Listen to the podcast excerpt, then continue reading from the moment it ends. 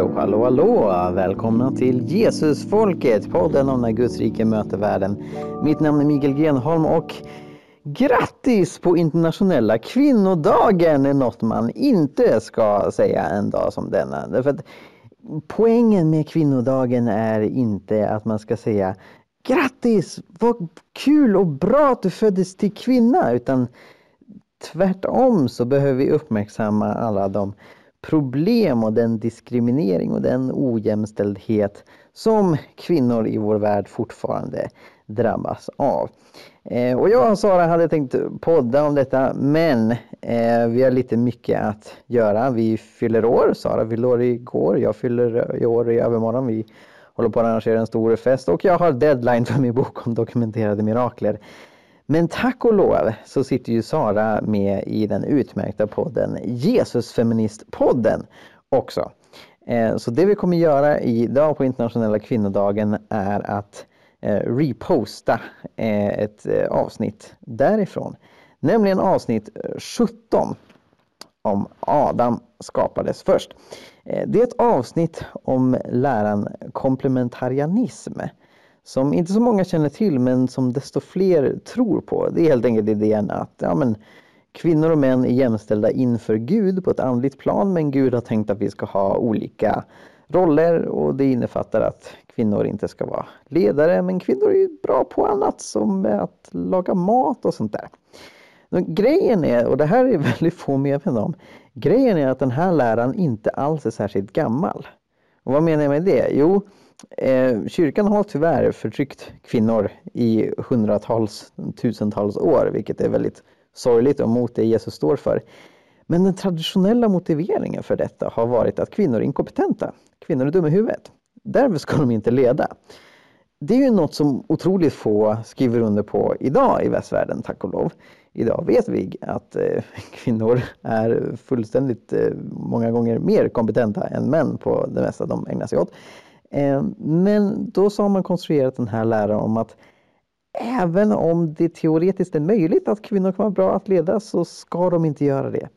Det är ett nytt sätt att tänka som innebär att teologer som har försvarat den här läran har varit tvungna att konstruera om en hel del saker i klassisk teologi, inte minst när det gäller treenigheten.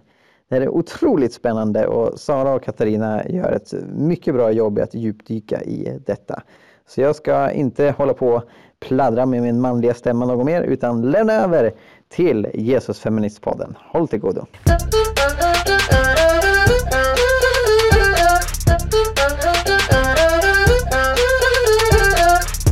Hallå och välkommen! Tack! Varsågod. Hej och väl välkommen till det sjuttonde avsnittet av Jesusfeministpodden. Yes! Idag ska vi prata om complementarianism. Ja men eh, det, det, det är en sorts bibelsyn kan man säga. Ja, eller inte bibelsyn, det är väl en... en eh, Bibelkönsrollssyn? Ja, en könsrollssyn som man menar är baserad på Bibeln. Precis. Um, som säger egentligen att vi är... Män och kvinnor är equal in, in value but different in purpose. Mm. Uh, Precis, ja. och det här är ju det här är alltså, den här uttalande, ut, uttalade komplementarianistiska doktrinen kan man säga. Den är väldigt amerikansk eh, och det är ingenting, när man, man nämner complementarianism i Sverige bland folk som inte är liksom insatt så är det bara va? va vad är det här? Man har vuxit upp i frikyrkan och eh, Eh, och, även, och även vissa av dess mest ivriga förespråkare har faktiskt aldrig hört ordet. Aha, för att man använder inte, eller alltså av de som jag har pratat med som har verkligen eh, tryckt på en complementarian syn på manligt och kvinnligt. De har själva inte hört talas om att det just så här, det du säger nu kallas för complementarianism. Precis. Och anledningen till att vi vill prata om det här Eh, för det här är ju, vi är ju en feministpodd och man kan tycka att det här är ju väldigt basic. Och har ni inte pratat om det här tidigare? Och det har vi. Och det är det. men, eh, men det här är te alltså tendenser som vi har eh, sett i de kyrkliga sammanhang som vi har varit i att även om det inte finns uttalat att vi är komplementärer och vi har den här synen på kvinnligt och manligt så är det ändå någonting som ligger uttalat i kulturen och hur vi förhåller oss till manligt och kvinnligt och så vidare. Ja, Ehm. och eh, sen så är det också någonting som, som jag eh, som jag har upplevt sprider sig. Eh, att, det, alltså att vi blir mer och mer influerade av USA eh, och av den evangelikala kyrkan där och deras tankar. Eh, och så sväljer vi också den, den synen på manligt och kvinnligt som jag tycker att vi borde ha kommit längre än att köpa det med hull och hår. Ja, Men, mm. eh, motsatsen, eller ska jag säga motståndarsidan i den här debatten är ju så kallade egalitarian. Och vi är ju egalitarians. ja. Och som sagt, det här synsättet, vi ska gå in och förklara lite mer exakt vad det här eh, resulterar i och vad det baseras på, varför det har kommit till och så vidare. Men eh, alltså, jag har ju märkt det att människor jag har pratat med har eh, när man har diskuterat könsroller och hierarki inom äktenskapet. Vi har gjort ett avsnitt om eh, underordning eh, som heter typ kvinna underordnar dig eller någonting sånt. Så den kan ni lyssna på. Eh, vi går in i en del av det här. Men mer specifikt på äktenskap. Nu ska vi mest prata om complementarianism som idé och varför den är dålig. Eh, men då har jag hört liksom folk som utbrister ja men, men Adam skapades ju först. Och det var ju, det var ju Eva som ledde mänskligheten in i synd och det står ju att mannen ska vara kvinnans huvud. Och, men jag vill bara leva, liksom, jag vill leva bibliskt. Så den här synen har liksom fått någon sorts mandat i att vara den mest bibeltrogna synen. Eh, that's weird.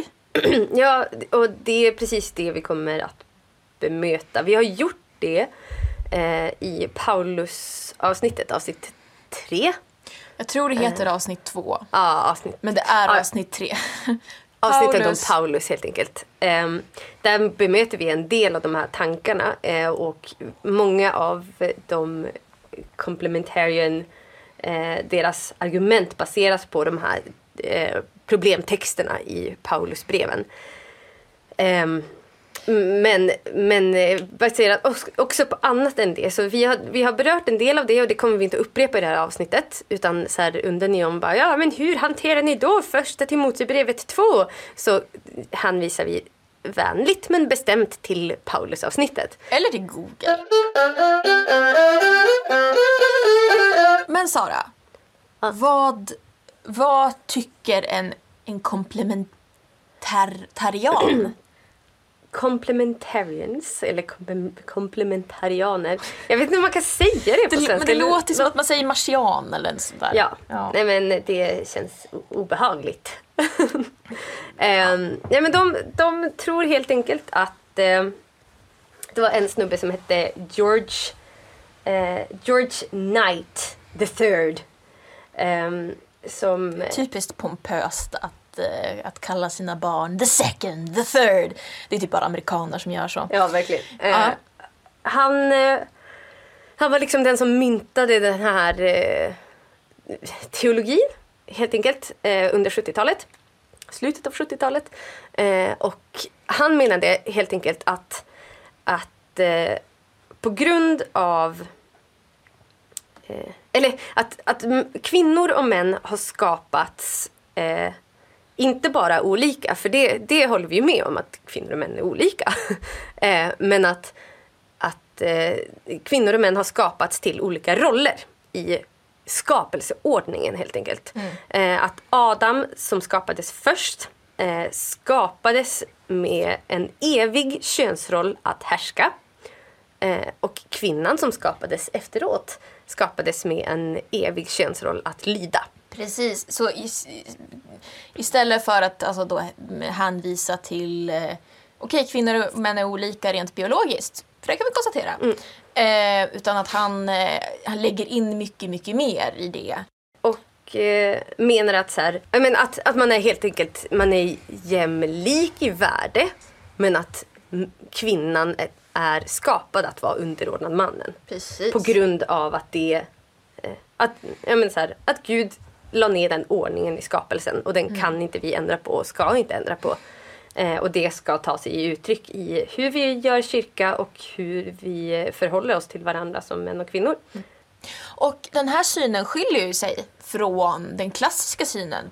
Att på grund av att du, mm, du har en mindre hjärna, men då kan du inte hålla på med politik. Men du har en livmoder, den kan ju skrumpna för att om du får för mycket blod i hjärnan och blodet försvinner från, från eh, livmodern och äggstockarna då, då försvinner ju din förmåga att fortplanta dig. Um, mm. så, så vi ska ak akta, eller vad ska vi säga, beskydda kvinnor från att tänka Eh, det är den klassiska synen. Den synen har varit inom kyrkan också. Att på grund av att kvinnan är inkompetent ska hon inte leda. Under 1900-talet så sker ju jättemycket inom samhället och inom kyrkan eh, på kvinnofronten. Nej men att kvinnor börjar dra ut i ehm, eh, nu, kvinnor har alltid jobbat, men om man tänker förvärvsarbete, att kvinnor i högre grad börjar eh, kombinera familjeliv och arbetsliv. Eh, för annars har det varit antingen så jobbar du eller så är du hemma om du har haft råd. Eh, och ja, det är stora variationer men så enkelt sagt så är det så. Men eh, om man, kvinnor börjar liksom komma in på liksom, maktpositioner inom politiken och inom business och inom eh, ja, allt sånt. Och man får liksom ompröva. Mm, men är kvinnan verkligen inkompetent? Nej, hon verkar inte vara det. Så då måste man ompröva. Eller då betyder det ju att okej, okay, men då kanske kvinnor borde få fritt tillträde till ledarpositioner även inom kyrkan. Men det går ju inte för sig. Eller hur? Nej, nej men och grejen är ju att den tanken var ett hot för den rådande strukturen som var och är patriarkal. Eh, och att för att männen ska behålla makt så behöver man en ny teologi. Och då kommer George Knight och får ett jätteinflytande. The, third. The third. George Knight the third. George William Knight the third. heter han.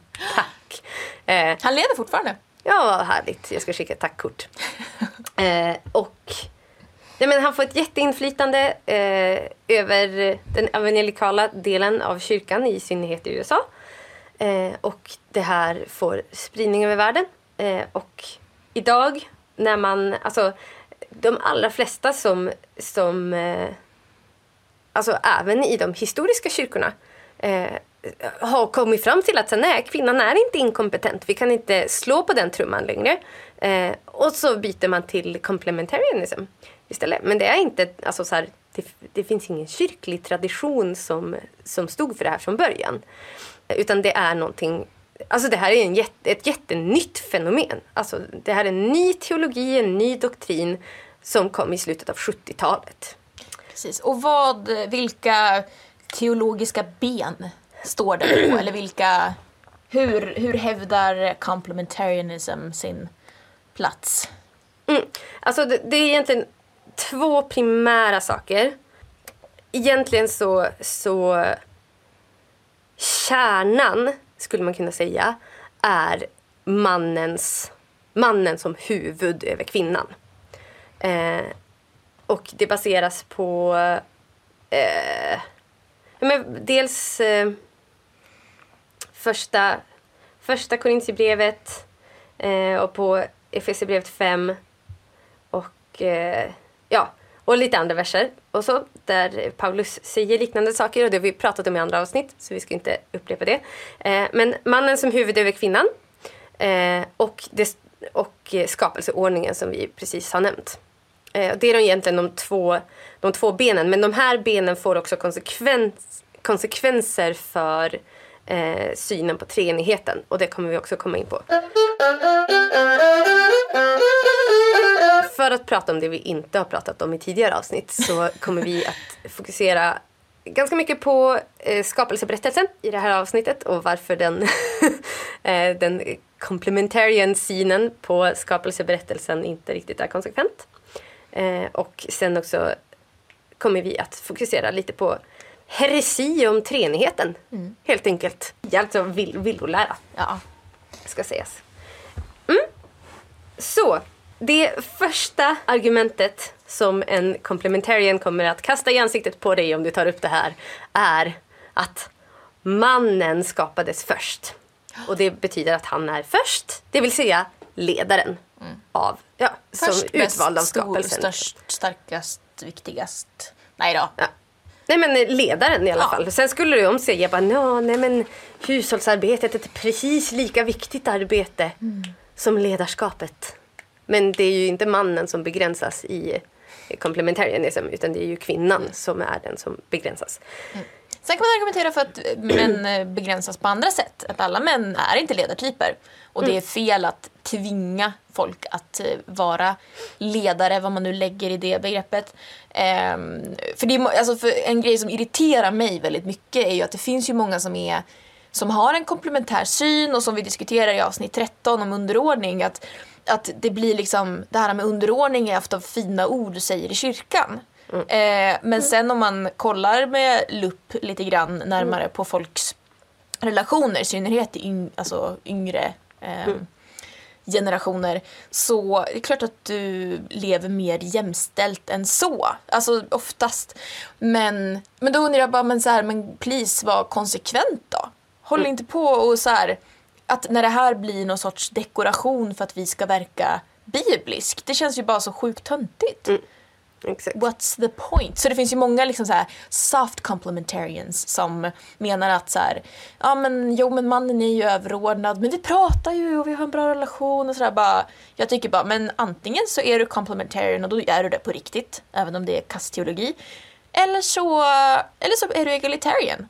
Alltså kom inte här och liksom sätt dig mitt emellan, välj. Ja, men eh, ja, alltså det, är- det är ett otroligt inkonsekvent resonemang. Eh, och eh, praktiken som man drar av det är så sjukt inkonsekvent. Eh, och det, jag tänker att vi kan prata om det i slutet helt enkelt. Så här, hur hade det sett ut om man tog Bibeln eh, bokstavligt och kastade ut all hermeneutik och exegetik genom Precis. fönstret. Men det ska vi inte göra. Precis, men Adam skapades Så, först. Adam skapades först. Ska vi lista argument nu? Ja. Adam skapades först. Eh, och nummer två. Kvinnan är skapad som mannens hjälpare, med andra ord under, underställd. Nummer tre. Kvinnan skapades för mannen och inte tvärtom. Nummer fyra. Det var ju Adam som fick befallningen ät inte av trädet, kunskapens träd, och inte Eva. Med andra ord så var ju då alltså Adam in charge av eh, Edens lustgård. Nummer fem. Adam var ju den som namngav djuren och Eva. Och att det här med att namnge någon är ett tydligt tecken på att ha auktoritet över. Nummer sex. Det var ju Eva som förleddes av ormen, inte Adam. Med andra ord så har ju kvinnan en, en inbyggd tendens, en skapad tendens, att om hon får för mycket inflytande så kommer hon att leda oss till ruinens brant. Ja, och eh, sen efter de hade syndat, eh, nu, argument nummer sju ska sägas. Nej, efter de hade syndat så, så, så, var det, så kom Gud till Adam. Och det tyder ju också på att, när, att, att Gud valde att tala med Adam igen. Tyder också på, att, på Adams ställning i förhållande till kvinnan. Så det här är ju intressanta argument. Säger någon skapelseordningen eh, Så här, ja, men det är ju skapelsens ordning att det ska vara så här. Då är det exakt de här argumenten som de hänvisar till. Ja, och, och de går att såga. Så vi ska lära dig hur man gör det nu. Argument nummer ett eh, var ju att mannen skapades först. Och det betyder att han är därför ledare. Eh, Det betyder att fiskarna ska styra över oss. Eh, Men gör de inte det? alltså, eller jag tänker ju att, att vi är ganska svag för exempelvis katter och söta fåglar och sånt. Så eh, jag vet inte, kanske det stämmer. Nej, Alltså, det stämmer inte. Katterna tror ju garanterat att de är högst i skapelsen. Ja, men, eh, Garanterat. Ja. Men, eh, ja, Ja, men ni hör ju hur idiotiskt det här är. Det finns ingenting som, alltså, och speciellt i biblisk, liksom, vad ska man säga, rent eh, litterärt så, så är det ofta att det första är sämre och det andra är mer fulländat. Alltså man pratar om första Adam och andra Adam och, och sådär. Och eh, Ja, så att egentligen det mer rimliga vore att argumentera för att kvinnan är bättre än mannen. Och att kvinnan borde stå över mannen för att hon skapades sist. Precis. Alltså för att människan skapades sist i skapelsen. Eh, men var satt att råda över skapelsen. Ehm, och eh, Jesus kom efter Johannes. Det betyder inte att Johannes står över Jesus, utan tvärtom. Ehm, men så att det, alltså den eh, ordning som argument för auktoritet eh, finns inte egentligen i, i eh, Bibeln. Och jag tror inte att det är det som Paulus menar när han, när han pekar på Adams, att Adam skapades först och sen Eva. Utan när Paulus pratar om det så pratar han om ett öm- ömsesidigt beroende. Att hade kvinnan skapats först och fött mannen eh, så, så tror jag att, att vi skulle ha en helt eller så här, att man skulle tendera mycket med att ha någon slags kvinnokult, fertilitetskult för att allt liv från skapelsen början till dess slut kommer från kvinnan konsekvent. Men att så här, nu i och med att, att kvinnan skapades ur mannen så är kvinnans existens beroende av mannen och mannens av kvinnan. Precis. Eh, och att det är det som Paulus pekar på. Ja, och precis. Och där, alltså med, man argumenterar om det är kefal, om det betyder huvud eller källa eller sådär. Att Ja, ja. det blir så logiskt. Alltså såhär bara att, att ja, men, kvinnan är mannens ursprung och mannen är kvinnans ursprung och allt kommer från Gud. Alltså Ja. så här att, att det är liksom tycker jag visar Guds hjärta på ett helt annat sätt. Att vi skapade för gemenskap, vi är beroende av varandra. Att Gud är den ultimata auktoriteten i våra liv. Men i mänskligheten så ska det finnas en, en ömsesidig, ömsesidigt tjänande av varandra. Eh, och dina genitalier har ingenting med vilken här, position du har i skapelseordningen Nej. att göra. Det här med hjälparen då. Det är nummer två som kommer att slängas i ditt ansikte. Eh, det har jag hört många gånger. Ja, men kvinnan skapades ju som hjälpare för mannen. För mannen. Ehm, och den... eh, den är ju...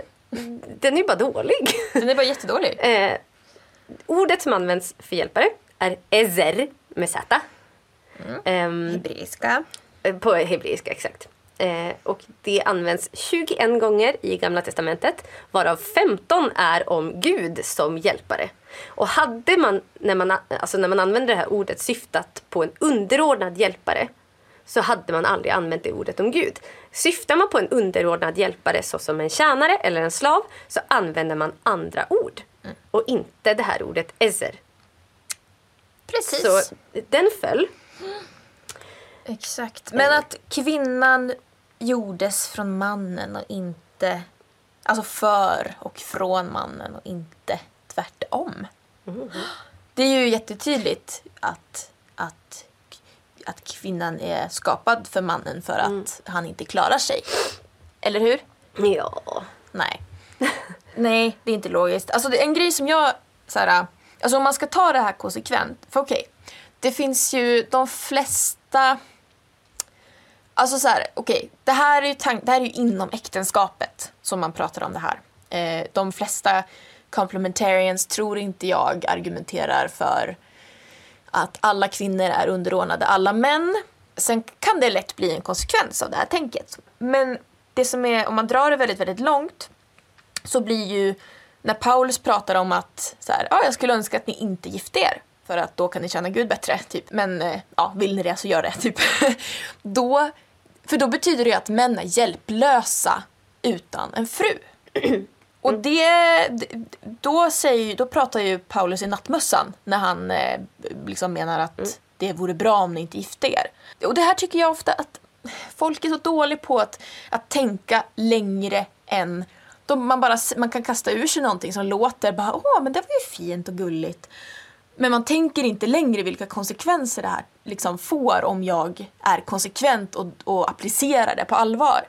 Och då tycker jag att men om inte du tänker kon- vara konsekvens, konsekvens, konsekvent så reflektera kring tanken. Är det, håller den här? Är det rimligt? Ja, Syssla inte med papegojteologi. exakt. Eller så här, för papegojor upprepar ju saker men reflekterar ju inte ett smack kring vad de säger. Eh, och det kan jag tycka att vi sysslar väldigt mycket med i kyrkan. Att bara, ja men jag hörde en pastor säga det här en gång i en predikan så då Det måste ju det vara sant och nu tänker jag upprepa det. Och så Ja. upprepar man det. Istället för att bara fundera över, bara, hmm, Men det är klart att när man är i miljöer som, det, alltså det blir ju i, alltså kyrkan är ganska, ganska homogen ehm, miljö så. Och det är klart att, eh, att, att göra motstånd mot vissa liksom, kollektiva antaganden då, då skär det sig ju. Då, gör det ju. då skapar ju dålig stämning. Och det är klart att vissa tycker inte att det är värt att göra det. Mm. Ja. Men, ska vi gå vidare? Nej men, eh, nej men och det jag tror att, det jag tror att eh, Första Mosebok 2 syftar på när, när den belyser att kvinnan är skapad från mannen eh, är ju att, att kvinnan är skapad av samma alltså av, av samma eh, Sak. sak, eh, inte väsen. DNA. Eh, men eller så här är samma sak som mannen. Men vi kommer komma in på det när vi pratar om namn. Gud sa till eh, Adam att du får inte äta av frukten och inte till Eva. Och det betyder att Adam var tänkt att bestämma över Eva. Att hon inte heller ska göra det. Men det roliga är att när Gud säger det så fanns inte Eva. Hon var inte skapad än. Så vem, var, alltså, bä? Vad skulle han... Eller det fanns ju inget alternativ i den tidpunkten. Eh, Adam var människa. Adam var En den människa. enda människan just då. Precis. Och Gud sa det till människan och sen så upprepar han det till Eva när hon kommer i tredje, ehm, tredje kapitlet, vers 1. Precis. Så, Men det här med att ha att, att det att om du är den som ger namn så eller namnger något så har du auktoritet. det tycker jag är en eh, intressant grej som bara så här... Eh, ja, lite så här... Att man tänker verkligen inte så långt när man har det argumentet. Nej, men, men också Ehm. för, för så här, det blir som en, jaha okej, är det här en evig, någon sorts så universell naturlag? Jag tror att namngivningen var ett sätt att utöva auktoritet. Alltså det, det Adam gör och det han får i uppdrag att göra var ju att namnge alla djur. Och det gör han som en förvaltare av skapelsen. Och när han kommer till Eva så menar complementarians att han gav ju namnet till Eva. Nej, det gjorde han inte. När Adam ser Eva så säger han inte du ska kallas Eva. Utan det han säger är att, eh, att jag är man och du kommer från mig och du ska kallas kvinna. Och på svenska heter kvinna. Eh, nej, eller, nej, tvärtom. På hebreiska heter, alltså ordet för man är Adam. Adam. Eh, och när han ser kvinnan så säger han att "J- jag är Adam och du, eller så här, och du är Adama som betyder kvinna på hebreiska. Alltså, det han säger är att bara, du är som mig. Vi är samma. Att han liksom bara, ett erkännande av att de är samma art, typ. och vi är samma art, och jag. ja. Ja. Eh, så att han ger henne inte ett namn före efter syndafallet. När synden har kommit in i världen, så som en konsekvens av att nu har han börjat råda över henne som en konsekvens av synden så ger han henne ett namn och säger att du är Eva. Och det är ett rådande. Så ja, i hans akt att ge henne ett namn så rådde han över henne men han gjorde det i synd. Eh, som en syndig människa. Det här skulle jag vilja använda som ett argument till varför eh, man inte ska byta efternamn när man gifter sig. för att... Eh, för att... Eh, ja. Anyway. Men eh, okej, s- men Eva, alltså det här, det här, nu kommer vi ju till det här att men kvinnan är ju, kommer ju leda mänskligheten till Hades om hon får leda. Så hon behöver ju mannen då som kan ha pli på henne och säga var skåpet ska stå så att inte hon får, för när kvinnorna får friheter så går det ju bara helt åt skogen. Och det är ju precis vad historien har visat. Något. Ja, fast tvärtom alltså. Ja, nej men och det, alltså det är bara så intressant så här ja, men är det, om det är några som har fått försöka leda oss leda liksom mänskligheten rätt och misslyckats totalt så är det ju uppenbarligen männen för det är de som har haft makten de senaste eh, 20 000 åren. Ehm, och det har inte gått så bra. Nej, precis. Ehm, Och intressant sak, eh, det finns ganska mycket forskning som eh, ehm, eller det, det är inte en kontroversiell eh, s, hypotes eller slutsats eller vad man ska kalla det. Att alltså, i de länder där alltså, det finns en korrelation mellan kvinnligt inflytande över politiken och investeringar i humankapital. Alltså att där kvinnor har makt får barnen gå i skola. Det, att det, finns, det finns sådana väldigt tydliga korrelationer mellan liksom, ekonomisk välgång och eh, eller liksom att, att bredare lager av att befolkningen fördelning får- av eh, förmögenhet. Ja men exakt, precis, exakt. Eh, Och att där endast, till del. där endast män har inflytande så brukar det inte se ut så. Ja. Just saying. Eh, men, eh, men sen så menar ju inte vi nu att så här, ja, kvinnorna ska ta makten, för det anser inte vi, utan vi tycker bara att vi kan väl få lika mycket att säga till om.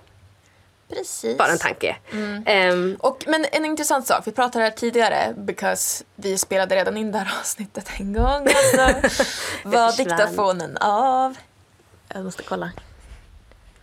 Eh, och då eh, sa ju du Sara att du tror inte att kvinnor skulle vara, vara något bättre om kvinnor hade haft eh, över, jag är- övertaget. men jag sa att jag, jag är inte säker på att vi hade varit bättre. Men jag tror ju det. eh, och, och jag tror ju verkligen så här, inte för att kvinnorna är bättre, alltså så här, eller jag tror att vi, både män och kvinnor är skapade för att förhärliga Gud och eh, vara, göra goda saker. Eh, men att jag tror att kvinnor generellt har större respekt för livet helt enkelt. Nej men för att, eh, att det är kvinnor som med sin kropp föder mänskligheten och förstår hur mycket jobb och slit det är. Medan männen behöver inte ta något ansvar om de inte själva vill. och, så jag tror att kvinnor, vi hade, det hade varit en bättre värld om kvinnor hade haft samma liksom, inflytande som män historiskt. Sen tror inte jag att det hade varit den bästa världen. Jag tror att vi ska, vi ska vara jämlika. Vi ska ha lika mycket inflytande. Men jag tror att kvinnor har, eh, har mer respekt för liv eh, och värderar det högre än vad män gör. Kanske, jag hoppas det. Eh, men, eh, men jag vet inte hur mycket som är en konsekvens av årtusenden av förtryck. Men hur som helst så tror jag att, att män som kvinnor har eh, eller så här, att vi alla är syndiga människor. Alltså det är ju inte som om män kan leva ett helt liv utan synd. Och det tycker jag att Bibeln är så tydlig med. Att så här, männen i Bibeln lyfts ju fram eh, som så här, Avskräckande exempel. avskräckande exempel på hur man misslyckas som människa gång på gång på gång. Medan kvinnorna i Bibeln lyfts fram som, som eh, men så här, positiva exempel och verkligen. mycket bättre dagar än vad männen gör i Bibeln. Eh, och det, jag tycker bara att det är så... Ja, men, eh, att, att det är inte den bilden som målas upp av, av kvinnor. Att de skulle vara lättare att leda in i synd. Eh, utan det verkar ju vara Tvärtom. tvärtom alltså, i, enligt den bild man får i Bibeln. Men sen så tror jag att vi brottas med olika typer av synder. Ehm, Okej. Och Då, Som sagt, dåligt argument. mm. och sen Eh. eh, den sista då? Precis, att Gud pratade ju först till Adam och Efter de Alltså- hade syndat. Ja. Det som slår mig med de här argumenten är ju... Alltså det, det, det, är, så- det, är, så, det är så tunn argumentation. Och det mycket av det är ju bara så här språkliga, alltså så här typ stilistiska sätt som Bibeln är skriven som man reagerar på. Ja men verkligen och att det är så här. Det är. Det är inte vattentäta argument alls. Och att de har ganska dåligt exegetiskt stöd. Alltså Verkligen. bibeltolkningsspråkvetenskapligt stöd. Ehm, Och t- eh, till de, alltså de, majoriteten av eh, liksom, eh, teologer är rejectar de här argumenten. Eh, till och med katolska kyrkan eh, tycker, och, tycker inte heller att det här är hållbara argument utan menar att eh, i början, alltså innan, innan synden kom in i världen så, eh, så var, var män och kvinnor essentially equal. Ja. Exakt. Sen gick det utför. Men, Och det ehm, finns så mycket bättre stöd för, för den bibeltolkningen att innan syndafallet så, så var vi eh, så var män och kvinnor jämlika. Eh, Och att det är, det är skapelseordningen. Och sen kom synden in i världen och förstörde det. Men en central del i det här och som jag hör många kristna apa efter är ju det här, ja men, ja, men som sagt, men Adam skapades ju först och, och lik, liksom fadern är överordnad sonen så ska mannen vara överordnad kvinnan. Eller luk, luktar det lite heresi här? Eller Sara, teologen? Det stinker. Nej men allvarligt. Eh, jag tycker det här är jätteintressant. Alltså när man inte kunde när man inte kunde säga att kvinnan ska inte vara med för att hon är inkompetent eh, längre så skapar man ju den här typen av teologi där man började prata, eller så här, där man eh, ja, refererade till skapelseordningen och mannen som huvud. Precis, och skapar en hierarki. Ja, och- det som är så intressant det är att konsekvensen av den här teologin, alltså konsekvensen av att man fick ändra teologin kring eh, varför kvinnan inte ska ha en maktposition eh, är att Grudem, som är en av de absolut största, Wayne Grudem, som är en av de största eh, förespråkarna för complementarianism, eh, han satte sig ner och blev tvungen att omformulera treenighetsläran. Det är en ganska central del i... Ja, men, och det är en, ja, men, så här, allt i patriarkatets namn. Alltså bara för, att, bara för att det vore för obehagligt för män att släppa ifrån sig lite makt till kvinnor så sätter man sig ner och omformulerar treenighetsläran för att det blir en konsekvens av att eh, trycka på Paulus som huvud över kvinnan. Paulus som huvud över kvinnan. Nej, Paulus, Paulus ord om mannen som huvud över kvinnan. Förlåt. Ja. Ehm, och det, jag tycker bara att det är så... Det är verkligen att dra det långt, men det är en nödvändig konsekvens. Och är det då så att treenigheten inte har en hierarki, då faller complementarianism Platt. platt till marken. Nej, men för så här. Ni vet när vi, när vi pratade i treenighets... Nej. I, i Paulus-avsnittet. Tack. Det är Miri. Eh, I Paulus-avsnittet om, eh, om huvudskapet. Nej, mannen är kvinnans huvud så som Kristus är kyrkans huvud och Gud är Kristi huvud. Står det. I första Korinthierbrevet 11 tror jag att det är. Jag vet inte. Eller 14. Jag blandar ihop dem. Hur som haver. Så det som är så intressant. Eller så här, för om man tolkar, precis som jag sa i det avsnittet. Så om man tolkar huvud som auktoritet. eh, så innebär det att, att eh, vi får en hierarki inom treenigheten. Eh, och nu vet jag också att det finns andra kyrkliga traditioner som inte har några som helst problem med att se en, tre, en hierarki in, inom treenigheten.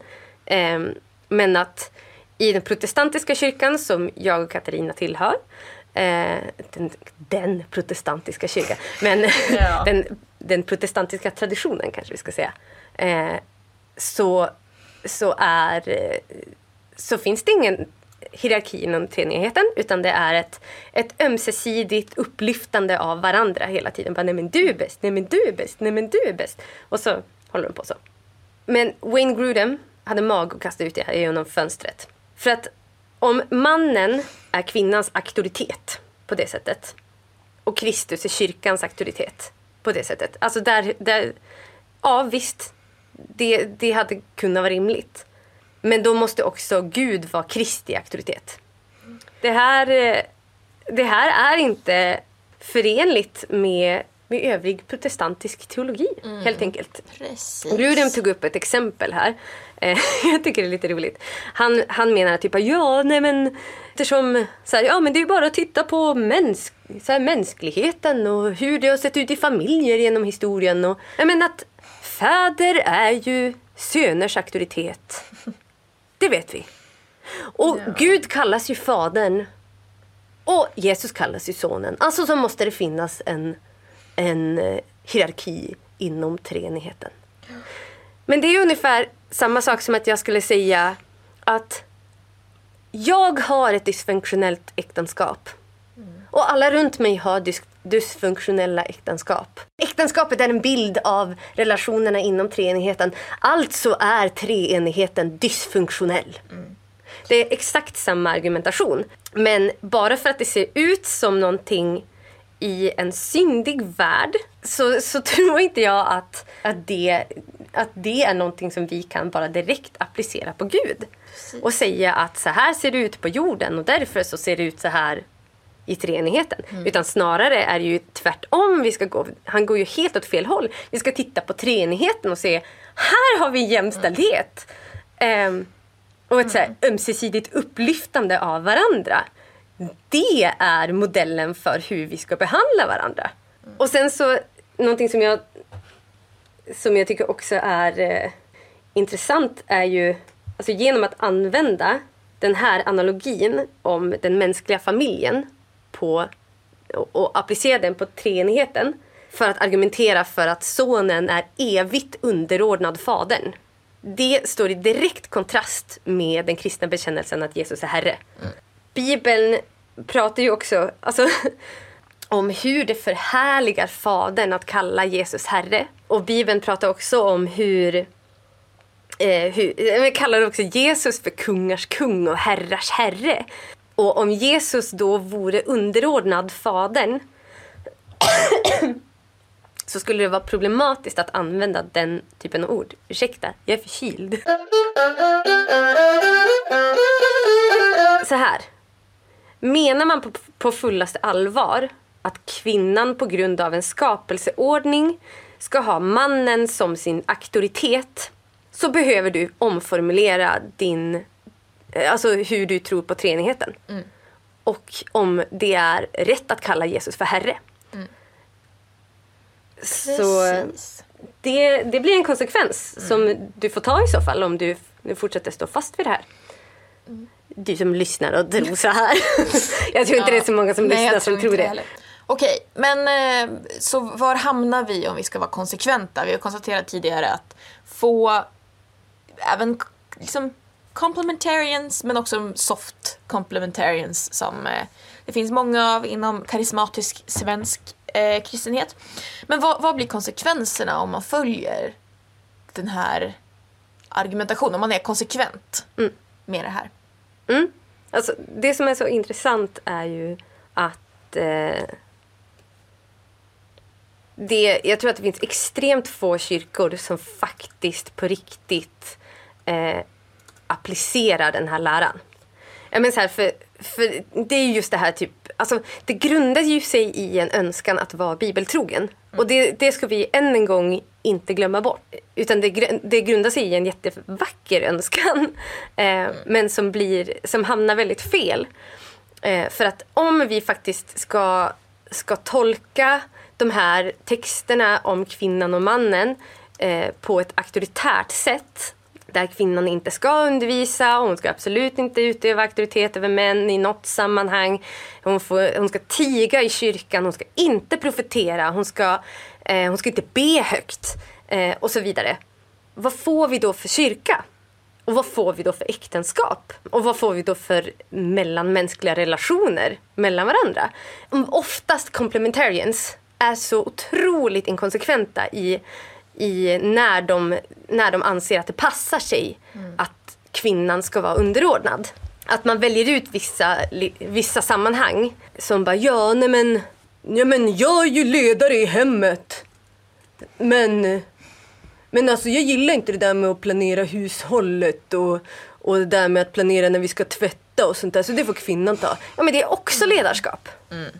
Eh, så här, men om man faktiskt var konsekvent så skulle mannen ta all typ av allt ledarskap. Ehm, för att det är inte kvinnans roll. Men, ja, men och också så här, som vi har sagt i tidigare avsnitt, att i så fall ska inte kvinnor uppfostra sina söner. Eh, och då borde mannen se till verkligen att alltid vara hemma med sina, med sina barn om han har söner. Så att kvinnan inte utövar något slags inflytande över en, en eh, man eller en pojke. För att det vore obibliskt.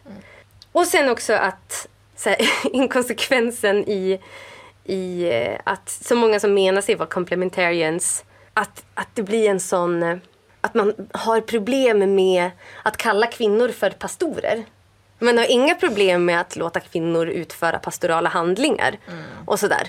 Eh, utan det är bara liksom på vissa områden att, att låta en kvinna vara chef eller låta en kvinna vara lärare borde inte vara accepterat i sådana eh, sammanhang där man är complementarians.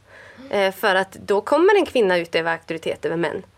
Eh, ofrånkomligen. Och det finns, och någonstans har jag faktiskt mer respekt för de sammanhang som drar det till sin spets. Och verkligen så här, verkligen. eh, det är inte okej som kvinna att vara lärare. Alltså så här, i en skola för barn. Eller för tonåringar. Ehm, det, det har jag faktiskt mer respekt för. För att då har man i alla fall tagit konsekvenserna av sin, eh, ja, av sin eh, kvinnosyn eller av sin könsrollsyn. Men att det är så ofta som man bara, ja men, där man applicerar det när det passar sig för mannen. Precis. För det mesta. För att eh, avsluta det här eh, kapitlet, höll jag på att säga, inte kapitlet. Men eh, nu är det ju faktiskt så att eh, det finns ju vissa som hävdar att den, den komplementära synen har, är, är eh, in, i en lite, lite av en kris just nu. Eh, och så. Och till och med en, eh, eh ska vi säga, professor Carl Truman som är eh, en kom, komplementarist, komplementarian, ja har sagt för ett par år sedan Complementarianism, as currently constructed, would seem to be now in crisis. But this is a crisis of its own making, the direct result of the incorrect historical and theological arguments upon which the foremost advocates of the movement have chosen to build their case, and which cannot uh, actually bear the weight of uh, the weight being placed upon them. Så att till och med komplementarianer säger att ja, det här håller inte riktigt. Sen är de, går de kanske inte att bli egalitarians på en gång. Men de konstaterar också att den teologiska grunden för det här är svag. Och den borde kanske ha implo- imploderat, nej men, eh, ja, för länge sedan. Kollapsat. Kollapsat. För länge sedan. Eh, Okej, men tack så jättemycket för att ni har lyssnat på det här avsnittet. Välkommen att lyssna på våra andra avsnitt, vi har många. Eh, och välkommen också att följa oss på Instagram och på Facebook. Vi heter Jesusfeministpodden. På båda ställen. Nästa vecka ska vi prata om familjerna och feministerna. För det får man ju ofta kastat på sig att feministerna kommer att förstöra allt och familjen funkar inte längre, det är feministernas fel. Det ska vi undersöka. Ha det bra! Hejdå! Hejdå! Hejdå!